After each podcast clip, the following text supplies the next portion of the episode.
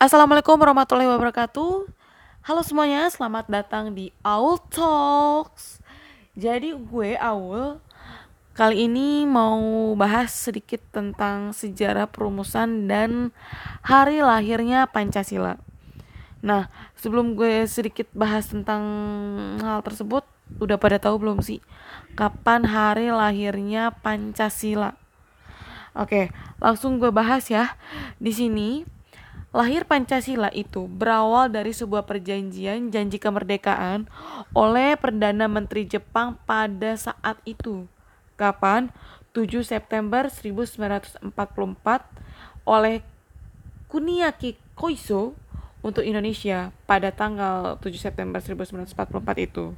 Nah, pada saat itu pemerintah Jepang mendirikan BPUPKI. Nah, siapa yang masih ingat nih mata pelajaran SD? Apa tuh BPUPKI Badan Penyelidik Usaha-Usaha Persiapan Kemerdekaan Indonesia yang pada tanggal 1 Maret 1945 didirikan itu terdiri dari beberapa anggota untuk bertujuan mempelajari hal-hal yang berkaitan dengan tata pemerintahan Indonesia yang merdeka.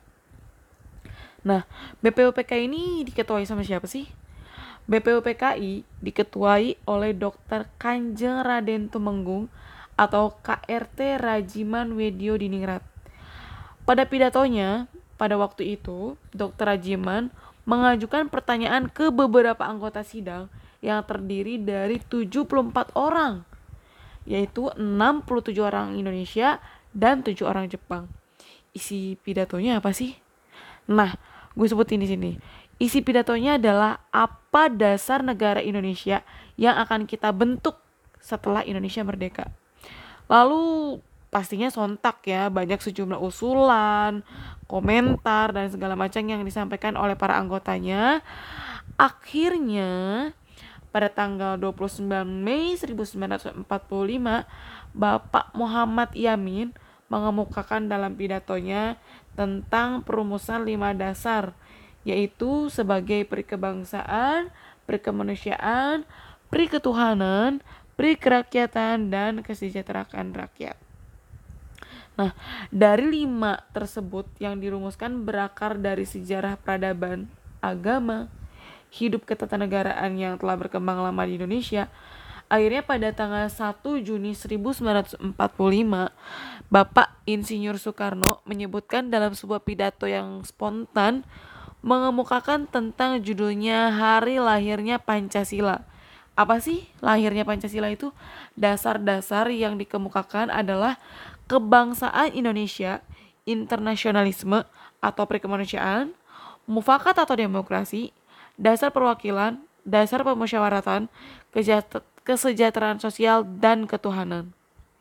Nah, nama Pancasila ini diucapkan oleh Soekarno pada pidatonya pada tanggal 1 Juni itu. Lalu gimana sih setelah banyaknya prinsip, akhirnya kebangsaan internasionalisme itu mufakat, kesejahteraan, dan ketuhanan disebutkan lima bilangan yang artinya bukan pancadharma tapi dinamakan sebagai petunjuk dalam arti bahasa namanya ialah Pancasila. Sila sendiri artinya apa sih? Nah, sila itu artinya adalah asas atau dasar. Nah, sedangkan dari kelima dasar itulah kita mendirikan negara bangsa Indonesia yang artinya dapat kekal dan abadi. Begitu teman-teman. Nah, usulan Soekarno itu akhirnya diterima baik oleh semua peserta sidang. Setelah tanggal 1 Juni 1945, akhirnya diketahui dan disahkan sebagai hari lahirnya Pancasila. Nah, tapi sebelum sidang berakhir, ada beberapa pertanyaan juga dari suatu peta, uh, panitia kecil yang dibentuk tak hanya merumuskan Pancasila aja sebagai dasar negara, tapi juga mengacu kepada dokumen sebagai teks yang mempromos, memproklamasikan Indonesia merdeka. Dari panitia kecil itu, ada beberapa orang yang dipilih sebagai panitia 9 yang terdiri dari 9 orang untuk apa? Menyelenggarakan tugas itu sendiri. rencana mereka untuk menyetujui pada tanggal 22 Juni 1945 yang akhirnya diberi nama sebagai Piagam Jakarta. Dan akhirnya setelah rumusan Pancasila diterima sebagai dasar negara, secara resmi beberapa dokumen sudah ditetapkan. Itu apa aja? Piagam Jakarta, lalu pembukaan Undang-Undang Dasar 1945, lalu ada e, Mukadimah Konstitusi Republik Indonesia Serikat, lalu ada lagi undang-undang sementara ya sampai rumusan pertama menjiwai rumusan kedua dan merupakan suatu rangkaian kesatuan dengan konstitusi konstitusi yang merujuk dekret sendiri pada Presiden 5 Juli 1959. Tapi nggak berakhir di sana juga. Ada protes juga nih dari beberapa utusan. Protesnya sih cuma protes-protes kecil aja.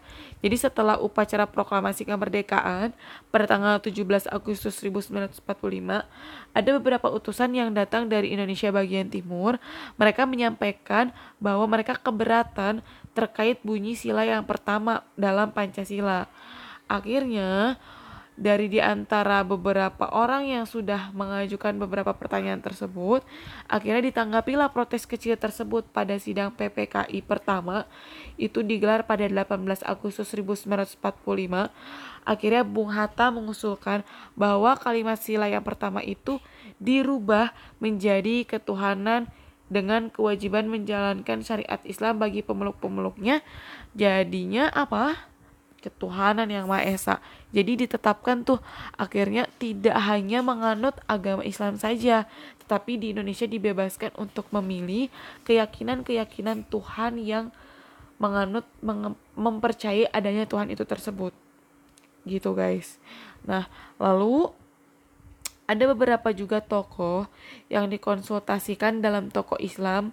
Ada beberapa tokohnya itu ada empat yaitu Kasman Singo Dimejo, Bapak Waitasim, Ki Bagus Hadi Kusumo, dan Pak Teku Muhammad Hasan. Nah, semua tokoh Islam tersebut akhirnya menyetujui perubahan kalimat tersebut.